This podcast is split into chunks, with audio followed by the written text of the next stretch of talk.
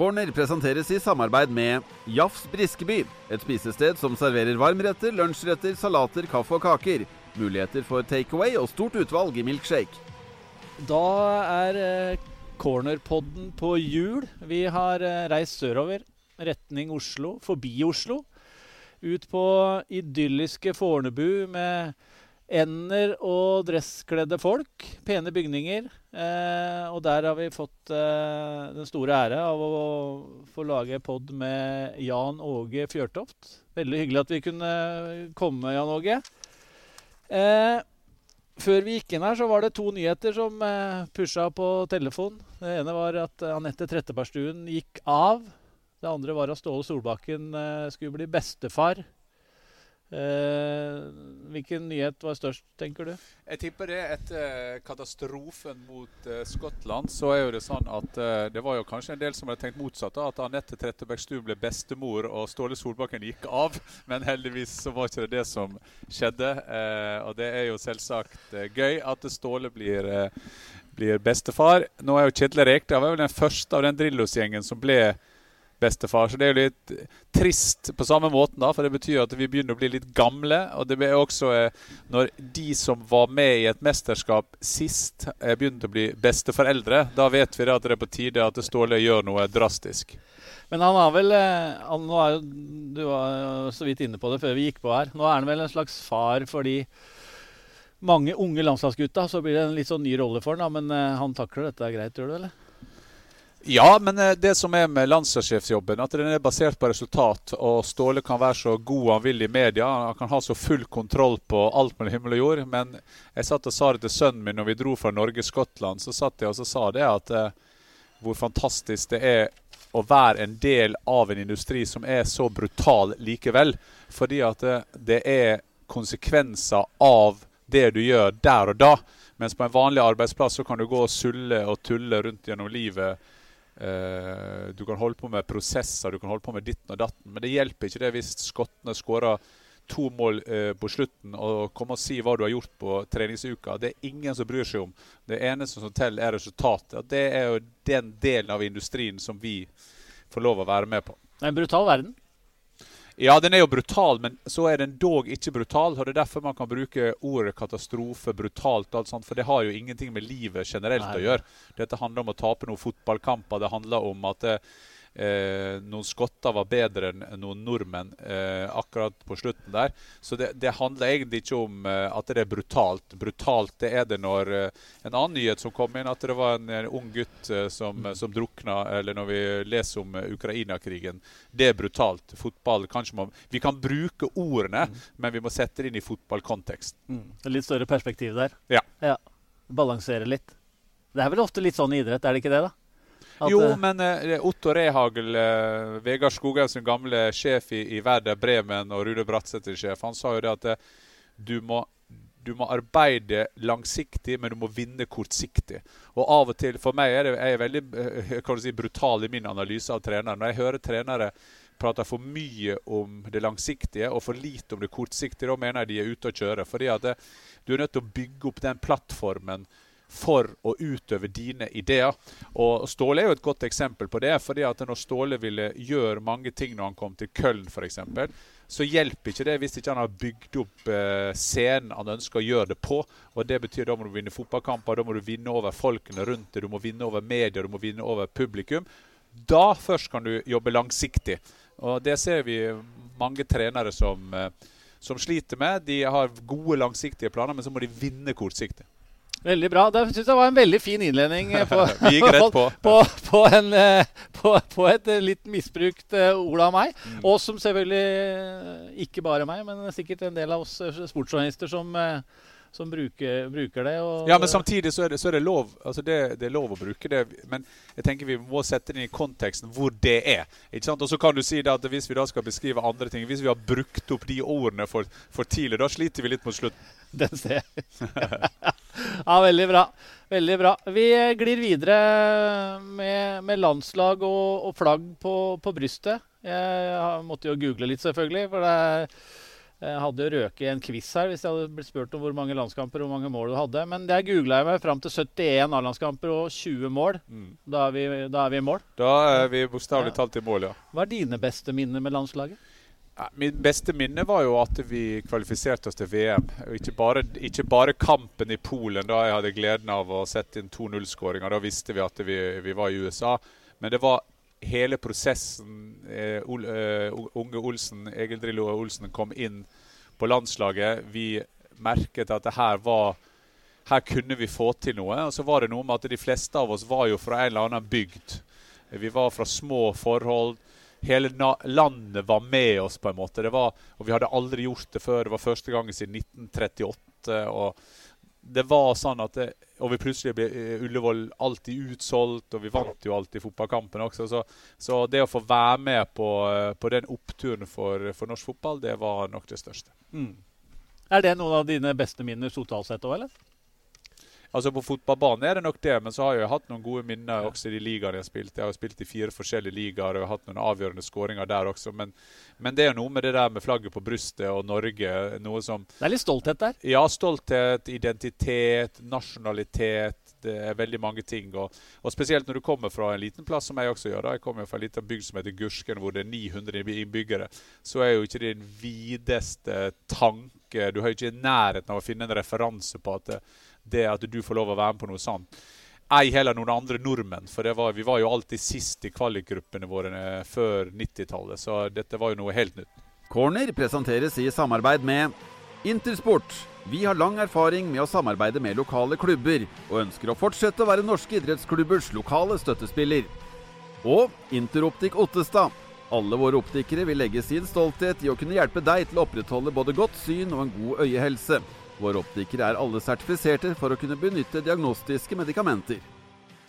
Apropos Gursken. I min googling så fant jeg, fant jeg en sak der hvor, eh, hvor navnet på bana i Gursken den, den er ganske spennende og, og ikke minst spenstig. Kan ikke du fortelle kort om det før Ja, det er jo to baner. Nå vet det at Det, det- jeg var litt på den argentinske Ja, da, vi, vi har jo to ting nå der. Vi har to baner i Gursken. og det var jo, eh, Vi har grusbaner, som nå har blitt kunstgressbaner. Den ble laga i 1978. Da var det VM i, i, U, U, eh, i Argentina. Eh, og denne banen ligger jo da med, ved en elv, og da ble jo selvsagt Da heter den River Plate Stadium.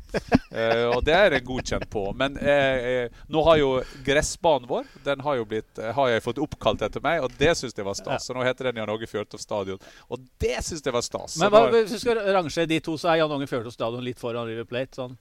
Nei, det er, for det er jo mest for meg personlig. Men det er jo River Plate jeg har vokst opp på. Den er helt overlegent, da. Ja. Helt overlegent. Ja, veldig bra, Jan Men det er jo helt fortjent at du får ei bane oppkalt etter deg. Det syns jeg i hvert fall borti der. Eh, vi må Vi lurer og dribler oss inn i, i HamKam-hjørnet. Eh, og som jeg sa til deg før vi gikk på her, så har jeg snakka med litt folk. Litt HamKam-folk. Eh, folk som kjenner deg eh, ganske godt, eh, tror jeg. Og som du, du vil nok kjenne igjen eh, noe snadder her. Jeg tror ikke det er noe veldig overraskende, men jeg tenkte jeg måtte, jeg måtte grave fram litt, da. Eh, jeg husker jo litt sjøl òg, men vi kommer tilbake til det. Men du sa, du sa litt om Gursken nå. Hvordan var det å komme til Hamar og HamKam som en, som en unggutt der? Ja, det man ser på de spillerne som har gått veien, eh, så er jo det Det er jo litt sånn tripp trapp tresko i en prestasjonsperiode eh, du har fra du er sånn 17-18 til du gir det når du er 34-35. Uh, og For meg var det da først Gursken som var min lokale klubb, så var det Hødd. Og så hadde jeg en veldig veldig god sesong for Hødd i 1985. Og Da husker jeg veldig godt at Tom Jacobsen sa på Sportsrevyen helt out of the blue Og dette her var jo i 85 hvor, hvor det var nesten bare Sportsrevyen vi, på NRK som vi hadde som et sportsprogram. Da rykka HamKam opp. Og da sa Tom Jacobsen Og jeg satt hjemme i sofaen i Gurskland, og så sa han og så vil vi ha Jan Åge Fjørtoft fra Hødd. Og det var, og det var sånn wow. Så kjente jeg litt til HamKam, for det var veldig mange av de spillerne i, eh, i, eh, i HamKam som jeg spilte sammen med på U-landslaget. eh, Som var på vei inn, eller som allerede da var der. Det var Einar Rossberg, Hallgeir Finnbråten, Tom Fotstad, Kai Kristiansen, Cato Erstad, Vegard Skogheim. Så det var, og det var folk jeg trivdes veldig godt sammen med. Eh, og det, det ble jo et veldig godt valg, iallfall for min karriere. Så var det ting som skjedde i Hamar at jeg kanskje stoppa litt opp på utviklingen en periode, og så, så slo det til igjen. Eh, som er med unge spillere. Men eh, det å komme til HamKam Og det var vel litt spesielt, for jeg hadde jo tilbud fra var, Min klubb har jo alltid vært LSK. Det har det vært siden 4-75, når Tom Lund og Lillestrøm kom opp. Tom Lund var min store favorittspiller, og Lillestrøm og Tom Lund ville også at jeg skulle komme dit. Men så valgte de altså HamKam. Og det var sett tilbake til nå. Jeg var bare 18 år når jeg tok den avgjørelsen, og den tok jeg stort sett alene, selv om jeg hadde støtte hjemmefra. Det var en veldig moden og en veldig modig avgjørelse. Ja, veldig bra. Eh, han eh, Vi snakka litt om, eh, om eh, Skogheim i stad, eh, og han har jo kommet med noe input her. Og han, han jeg ville jo ha litt utafor banen òg. Og så var det jo Jeg vet ikke om vi skal kalle det en karriere, men du prøvde deg litt på diskobransjen sammen med Morten Nyborg. Eh, og, og da Skogen var litt interessert i å høre litt om denne gjørmebrytinga. Ja, det var jo mange ting. altså For bakgrunnen det var en, et, et, Jeg kom jo til Hamar. For det første var jo det et helt eldorado for en fra Gursken å komme til Hamar. Både når det gjaldt eh, fine damer, naturligvis. Jeg var, jeg var, 19 år, og vi var mye på byen. Og så ble vi sittende en gang sammen med Morten Nyborg, som du nevnte, og en som heter Geir Halvorsen, som også var med i begynnelsen. Og så var det et, et lokale da, som heter Garfield diskotek, som da var man kunne leie det lokalet. da, og Jeg er jo sunnmørsk i ånden, så da, da skulle vi da overta det diskoteket. Som er da kanskje ikke helt ideelt for en 19 år gammel spiller som skal bli best mulig, men det skulle vi få til, selvsagt. Og det vil jo si det Jeg skal komme tilbake, jeg har ikke glemt Vegard sin input. men for meg var jo kanskje det en av de beste utdanningene sett noe jeg kunne hatt. For vi, vi, måtte jo både rydde opp i dette her, vi måtte vi hadde en fantastisk eh, regnskapsfører som het Ingar Wahl. Eh, han vil jeg aldri glemme. Han hjalp oss å rydde opp, for vi hadde det i ti måneder. Eh, jeg husker på krona alle regningene vi fikk. Eh, plutselig kom det noe som heter moms. Det hadde jeg aldri hørt om.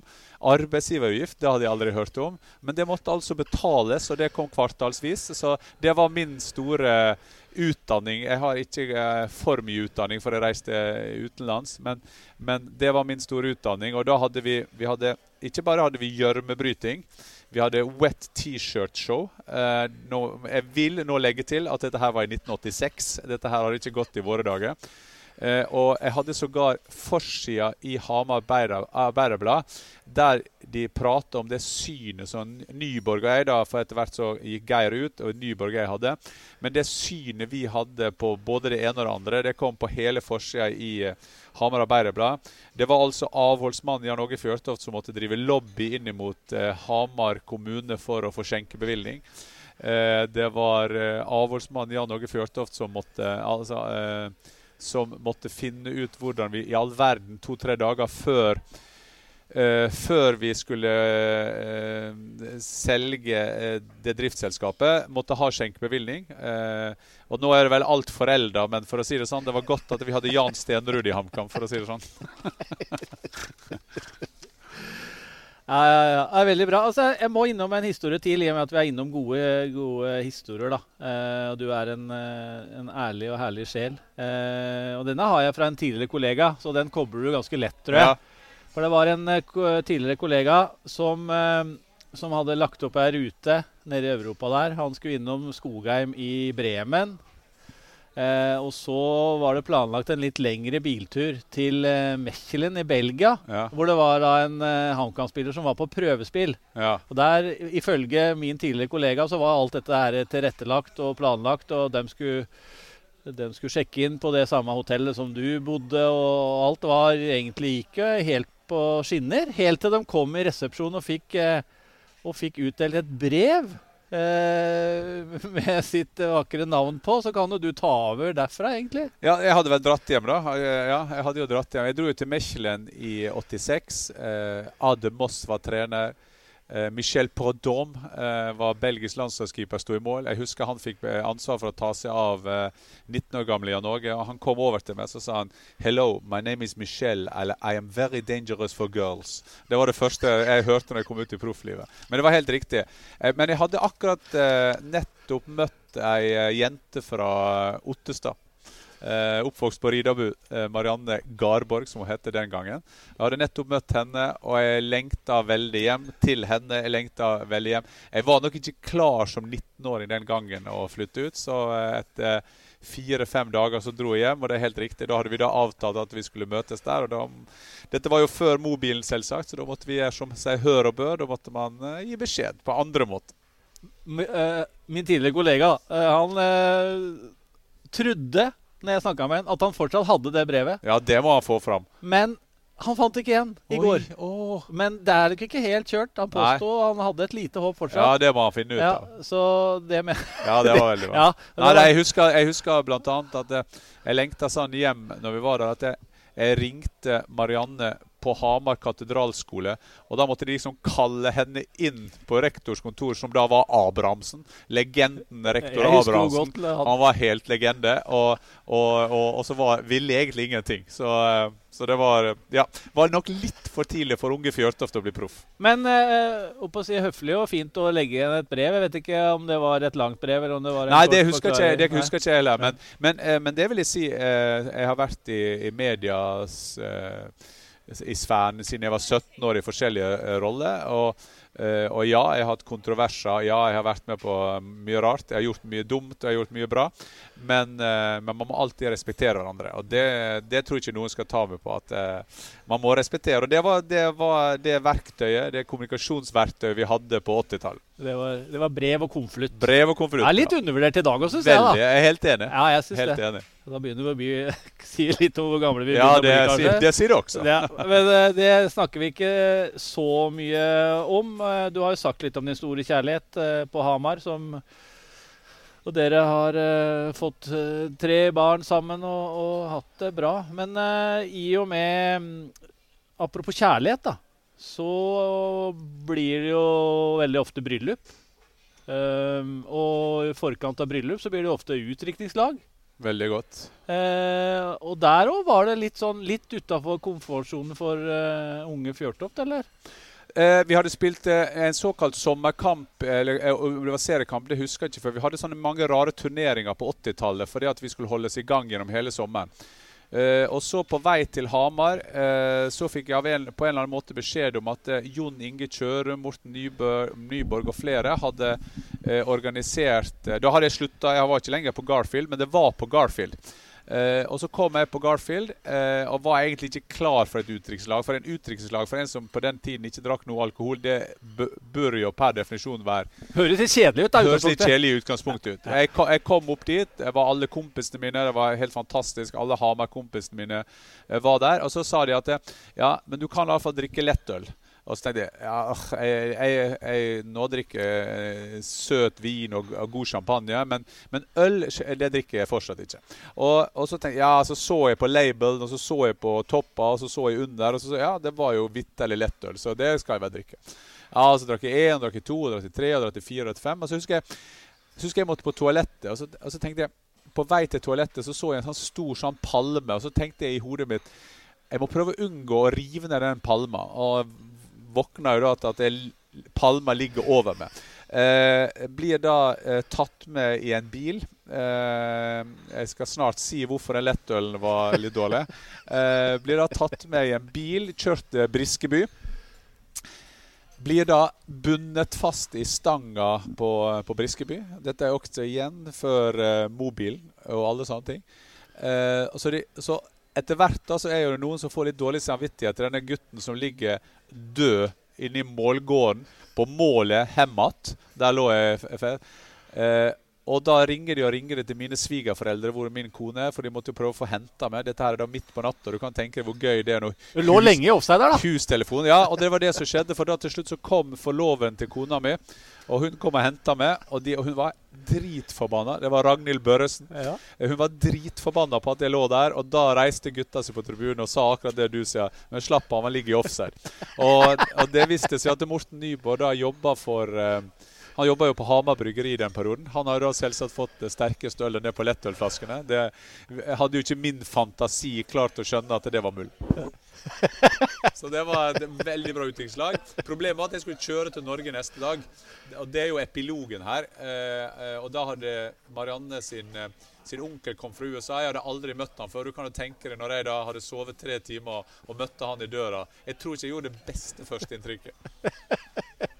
Og, så gutta, og, og de gutta som hadde arrangert det, var jo livredd for at, det, at jeg skulle være sur på dem for at jeg hadde gjort det. Men altså, da vet jo jeg med en gang at dette er jo tidenes utdrikningslag. Ja. Eh, og nå sitter vi her 40 år etterpå nesten og prater om det, så det er jo helt fantastisk. Det er en grunn til at det her blir huska. Ja, ja, ja, ja, ja. Helt fantastisk utdrikningslag. og all ære til de gutta som laga det. Beste minne med HamKam, da? Sportslig? Uh, ja, litt om bakgrunnen. Vi var egentlig en ganske god mixture. Eh, en bra blanding av, eh, av eh, unge spillere, eldre spillere som, som Stein Kolshaugen, Asla. Eh, spillere Pål Jacobsen, Tor Arne Granerud. Det var egentlig en ganske god miks, men det, det, fungerte ikke Det fungerte ikke helt for meg, eh, eller for, for laget. og jeg tror, jeg, jeg tror, jeg, må tilbake til 16. mai i 1986, hvor jeg fikk første skåringa mi. For at alle trodde at jeg skulle I, i treningskampene Jeg haua i mål. Det kom så mye mål. Uh, jeg tror jeg skåret tre mål i en treningskamp mot Bjøndalen. Alt så bra ut. Og så når serien kom, så var det Tom Fotstad som skåret målene. Og det var jo ikke rart, for Tom Fotstad var jo en notorisk måljeger. Men jeg brukte iallfall sånn jeg, følte det var en evighet. Jeg tror det var bare et par kamper, men jeg følte det var en evighet. Så skårte jeg mot Strømmen på Strømmen stadion, og det var nok eh, sånn høydepunktet. Og så hadde vi noen seier inne der hvor vi, vi spilte god fotball. Men i beste minne egentlig de spillerne jeg spilte sammen med. Jeg syns det var en fantastisk eh, ære og et privilegium og veldig lærerikt å få spille med Pål Jacobsen, som var en av de beste spissene Norge noen gang har produsert. Og, og jeg var faktisk, min unge alder til tross, så var jeg veldig, veldig, veldig lærevillig. Og husker jeg sto ofte Når ikke Pål var skada, han var jo dessverre for ofte skada, da sto jeg ofte igjen med, med Pål og skjøt, og de gjorde innlegg, og, og lærte mye av det. Høres bra ut. Pål Jacobsen er da fortsatt frilanser i, i, i HA-sporten, så ja.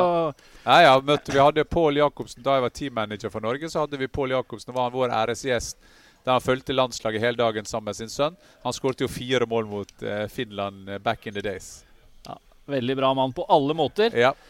Eh, vi glir litt videre, Jon Åge, eh, ut av Hamar igjen. Eh, du har jo en lang og innholdsrik karriere.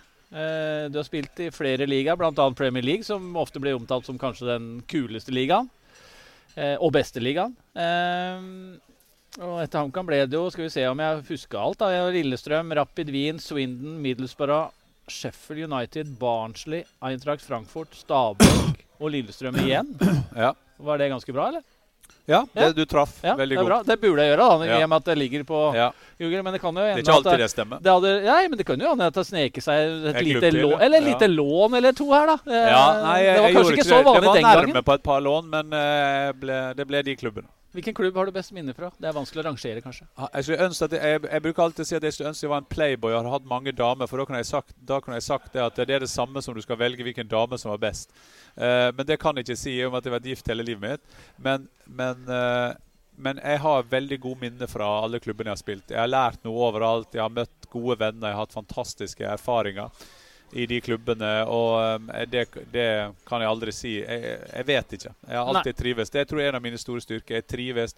Jeg er veldig adjustable til de miljøene jeg kommer i, om det er nå etter karrieren, eh, eller når jeg spilte selv i de fire forskjellige landene. Du var jo sportssjef i Lillestrøm òg etter karrieren der. Hvordan var det å være i en sånn rolle etter å ha vært, eh, hatt en lang spillekarriere? Jeg har flere tilbud om å bli, eh, var, eh, var bli manager eh, slash sportsdirektør. Men det var litt spesielt at det var i Lillestrøm. Per Berg og Tom Lund hadde jo da overtatt klubben. Det er ikke det lov å si i Norge, for det er jo medlemmene som eier klubbene, naturligvis. Men, men det var jo det jeg var. Jeg var, var høyrehånda til, til eh, Per Berg, eh, og det trivdes jeg veldig godt med. Eh, Intenst. Så jeg har hatt fire år med Lillestrøm, samtidig som jeg jobba i media. Det skal legges til, for det ville ikke jeg gi, gi slipp på. Og så hadde jeg også to og et halvt år som teammanager på landslaget. Og det er ganske symptomatisk på det som jeg For jeg ville egentlig ikke bli manager, men både Lillestrøm og, og landslaget har betydd så mye i min karriere at det, det, var naturlig å gjøre det. Mens når jeg hadde tilbud fra utlandet om å gjøre det samme, så syntes jeg ikke det var givende nok. For jeg vet at det tar det med hud og hår. Eh, og det hadde jeg gjort fra jeg var 17 til jeg var 35 i min, fotballkarriere. Så jeg var egentlig aldri frista. Jeg elsker å bli å være involvert i prosjekt med hud og hår, men nå jeg har mer mulighet til å gjøre forskjellige ting. Hvis du blir uh, fotballmanager, da er det på'n igjen. Og trener, da er det på'n igjen. Da er det akkurat sånn som det var i 20 år i min fotballkarriere. Så det har egentlig aldri frista meg. Men hva, to, hva, var det viktigste du tok med deg som spiller inn i en sånn type sportssjefrolle, da? Det var å forstå en garderobe. Forstå hvordan spillerne jobber. Min rolle som manager både for Røsler og Nordli og P.P.-Mathias Høgmo det var jo å være bindelendet mellom spillergruppa og en trener. Eh, og gjøre det lettest mulig for en trener å være trener. For det, det, er det viktigste, at en trener skal få være trenerrollen og lederrollen. Men så må han ha ro med alt det andre rundt, som er presset rundt en trener. og De mest suksessrike trenerne vi har sett, det er de som har folk rundt seg som rydder opp i alt. og Det var nok det jeg tok med meg mest, med den bakgrunnen jeg hadde fra garderobe rundt om i verden. Du har jo røkket veldig mye i ditt uh, for så vidt ganske korte liv. Vi må jo være enige om at vi var ganske unge, var vi ja. ikke det? Men uh, du har òg I dag er det jo nesten ingen uh, med et visst navn på, på kjendisrankingen som ikke har skrevet bok. Men du var jo veldig tidlig ute. Du skrev jo bok i 97. Jeg skrev da jeg var 30 år, som alle 30-åringer må gjøre. Så var det noen som kom til meg med et prosjekt. bok som heter 'Elsket og hatet'. Eh, tok et oppgjør med alt og alle. Eh, de, de, fleste såkalte sportsbiografier er jo veldig kjedelige. Den er iallfall ikke kjedelig, for at her nevner jeg med navns nevnelse de lærerne ikke likte.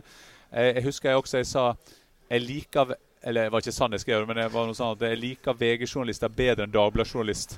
det, det, er klart, det er jo strategisk ganske dumt når du er midt inne oppi en karriere. Dette, jeg spiller jo fortsatt fotball. Jeg, spiller, jeg, skal jo spille fotball i fem år til. Uh, men, men, gjort er gjort, og spist er spist. Og uh, det er et um, testament, eller det er en, uh, en, mellomtid på et tidspunkt i karrieren. Uh, som jo, jeg, hadde, jeg hadde nok ikke skrevet boka i dag, men uh, du gjorde det du gjorde den gangen. Og det var basert på det du visste, og det du forsto, og det du analyserte. Så, så, jeg står veldig godt med den. Det var en dønn ærlig bok, da? skjønner jeg. Ja, det var den iallfall så ærlig som den kunne være. Alle fotballspillere som har spilt i så mange klubber som jeg, som har vært i så mange miljø, som har spilt med så mange forskjellige profiler. Så jeg har jo alltid igjen den boka man kan gjøre før man da må flykte og legge seg på ei øy i Karibia så ingen finner det. Men eh, dit kommer det ikke. Husker du hvordan den ble solgt, eller? Ja, vi solgte eh, var det 10 000, så det var, var faktisk veldig godt salg. Eh, så det var, det var, gøy. Var det noe bråk etterpå, eller?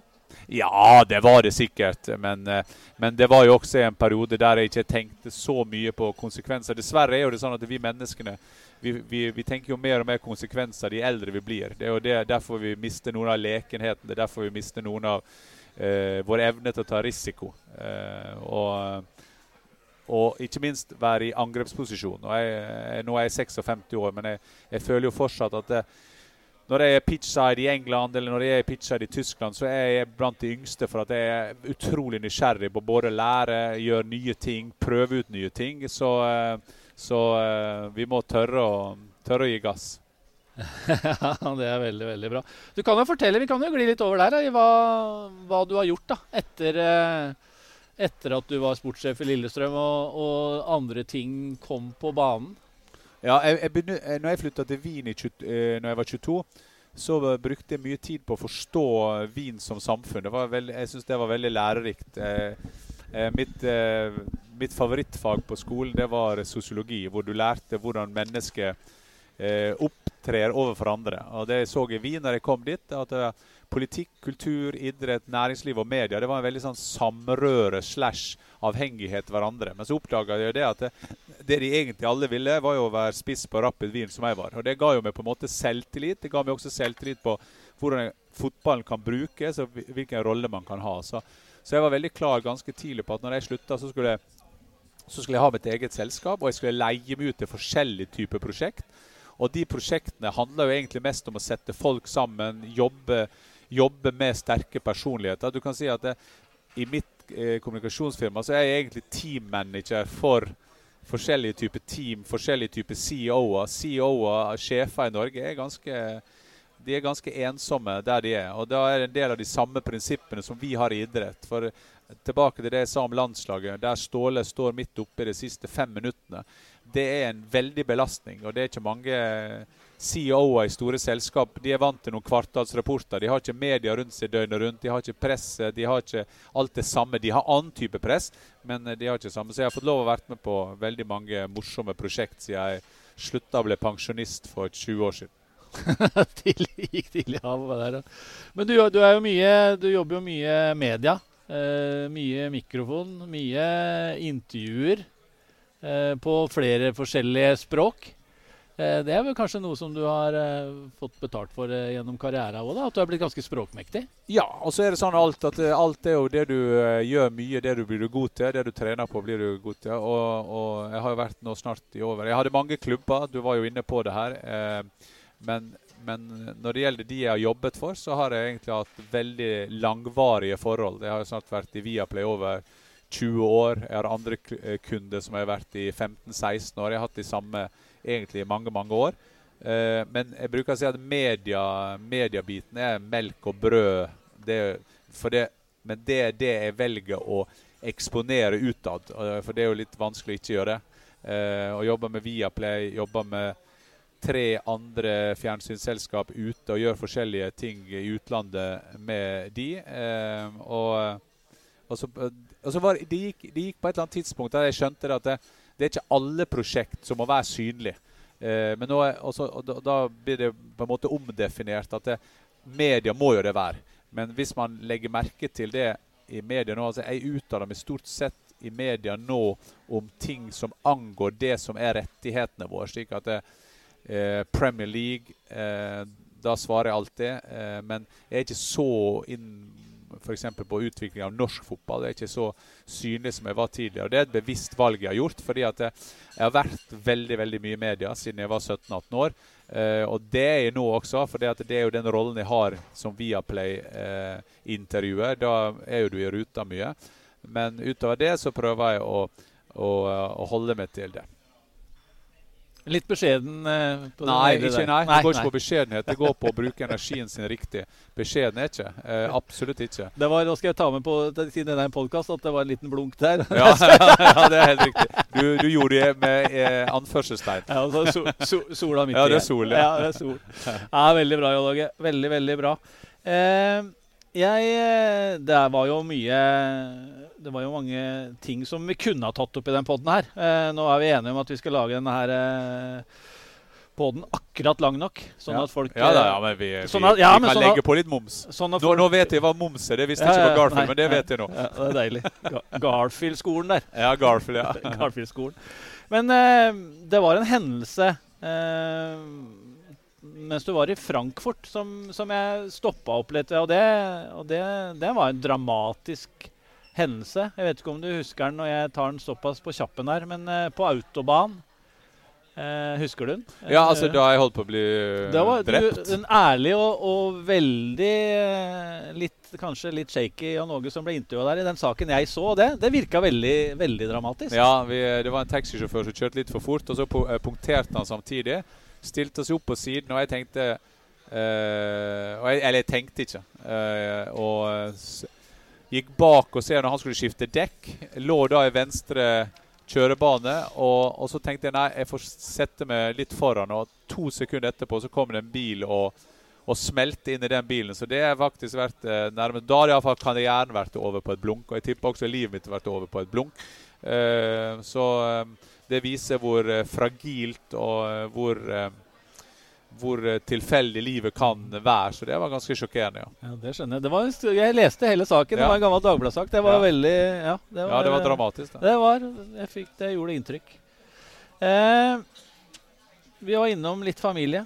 Gift, tre barn. Og så i Google-søket så hopper du jo litt eh, fram og tilbake. Eh, men din sønn Markus fikk jo også en proffkarriere. Ja. En litt spesiell en. Han hadde mastergrad i business og ble proff som 25-åring, tror jeg jeg klarte å lese meg opp til. Hvordan var du som fotballfar? Jeg tror det vil Markus eh, for Jeg må bare tro på han. da Han, Ja. sier at han aldri følt noe som helst press. Eh, jeg, var en, jeg var til stede. Eh, jeg trente han selv da han var tolv, og så kom han til Bærum, hvor han fikk eh, et veldig godt miljø der. Eh, helt faktisk, Det 94-laget han var en del av, så har faktisk fem blitt profesjonelle fotballspillere. Så eh, Tor Berntsen, som var trener, gjorde en helt fantastisk jobb. Men så gikk Markus en annen vei. fordi at når, når han var 18-19 år, så satt vi og så, på opsjonene han hadde. hvilken han kunne gå. Da dro han til, til Duke. Han spilte Altså du, du spiller så profesjonelt som det er mulig å gjøre i det amerikanske uh, university-miljøet, college-miljøet. Ja, han spilte for en av de beste klubbene der borte. Så, så i, det var helt riktig, han ble det når han ble 25. men det, altså, de spilte jo så nærme det var mulig der borte. Men samtidig så gjorde han utdanninga si. og det var jo det som var, Han fikk eh, sponsa 75% av utdanninga si i scholarship. Eh, som du sa, kom med, med master. Og så dro han ett år til New Zealand. Eh, som vi sa, både jeg og kona mi, at det går vel ikke an å komme lenger unna oss. Da jobbet- Dårlig gjort. da spilte han der i semiprofessional i den øverste ligaen der. Og så plutselig så Og det var for, og du, når du spør hvordan jeg var som far For jeg, jeg var veldig opptatt av at han skulle styre sin egen karriere, og han ordna seg prøvespill i Skottland og fikk kontrakt der og hadde tre veldig veldig fine år der. Vi var over og så han spille mot Rangers. Da var det 50 000 på tribunen. Eh, og så er det igjen Markus en ganske fornuftig kar, så i, i fjor sommer hadde tilbud om å fortsette der oppe, men da tenkte han at eh, nå må jeg bruke momentumet og ta det en overgang til eh, en ny karriere. Så til tross for master i, eh, i økonomi og business, så jobber han nå for spillerorganisasjonen i England, PFA, som er en stor spillerorganisasjon, der han er ansvarlig for kommunikasjon og media og content. Så han har Jeg skal ikke si til min kones fortvilelse, men han har i hvert fall fulgt nå i livet sitt eh, mine, i mine fotspor på mediebiten. Ja, det er veldig bra. Hva slags forhold har du til Hamar i, i dag? Er det Ja, Hamar. Det var jo sånn Jeg elsket jo Hamar. Jeg var veldig glad i Hamar. Jeg var glad i idrettsbyen Hamar. Jeg var veldig glad i miljøet i Hamar. Jeg elsket å gå i gågata. Jeg elsket å sette meg på Den grønne kafé og prate om, om, om livet på 80-tallet, husker jeg. Jeg elska eh, strendene på Mjøsa. Det var veldig veldig gode minner. Men så er det sånn at eh, min svigermor Først så døde jo min svigerfar, eh, operasangeren Noralf Garborg. Han døde så altfor tidlig. Eh, og, og så flytta etter hvert da min eh, svigermor til eh, Oslo. Hun lever fortsatt, er 91 år og lever her inne i, i Oslo. Og alle søsknene til Marianne har flyttet hit. Så nå har ikke det naturlig, men jeg følger jo veldig godt med. Eh, selv om jeg ikke er på detalj på, på hvem som er best på høyrebekken eller venstrebekken, så har jo jeg en, en god kompis i Rune Strand eh, som, eh, som holder meg oppdatert. Vi, vi er kompiser. Han er jo veldig god kompis av min svoger Rune Garborg. De treffes jo ofte, og da møtes vi. Så jeg, så jeg er veldig oppdatert på å følge veldig godt med hva Kamma driver med, og veldig glad for når de rykket opp og, og, og, og holde seg i toppligaen, naturligvis. Det blir jo en kamp nå, selvfølgelig, igjen, som, som ikke Ja. kanskje var helt uventa, da. Uh, en, uh sånn, eh, sånn er det med de laga og litt i budsjetta der. Ja, sånn er blir det. ofte, Sånn er det ofte dessverre. en kamp. Eh, jeg tror vi skal, vi skal avslutte i sola. Eh, Du begynner å bli varm, du. Du sitter i sola. Jeg er så heldig jeg sitter i skyggen Ja, for det de som ikke ser det. folk. Og så er det vel eh, noe med rankingen der òg, sikkert. At jeg, hvordan jeg havna Ja, du ble, du ble et helt bevisst satt i sola. havna i sola der. Så, men helt til slutt så må jeg passe på Det tenkte jeg på. At eh, Ragnhild eh, Ragnhild Børresen er også en god venninne av meg. Så Ja. jeg skulle lovte Hun hører på podden og skulle i hvert fall høre på den her. Så jeg lovte, Ragnhild, Ragnhild jeg lovte å hilse. Ja, Det var veldig hyggelig at du gjorde. Ragnhild er en helt fantastisk dame. og Hun bodde i nabohuset til eh, oppe i Heggeveien på, eh, på Ottestad. eh, Og var da forlover selvsagt i bryllupet vårt. Og da hilser jeg voldsomt tilbake til henne. Det er veldig, veldig bra. Det er veldig bra. Nei, men Da takker jeg så mye Jan Åge, for at jeg fikk lov å Ja, Takk for å bli invitert. Det var hyggelig det, å prate litt om mimre Ja. down the memory lane. Veldig bra. Ja, Avslutter vi der. Veldig bra. Ha det. Ha det.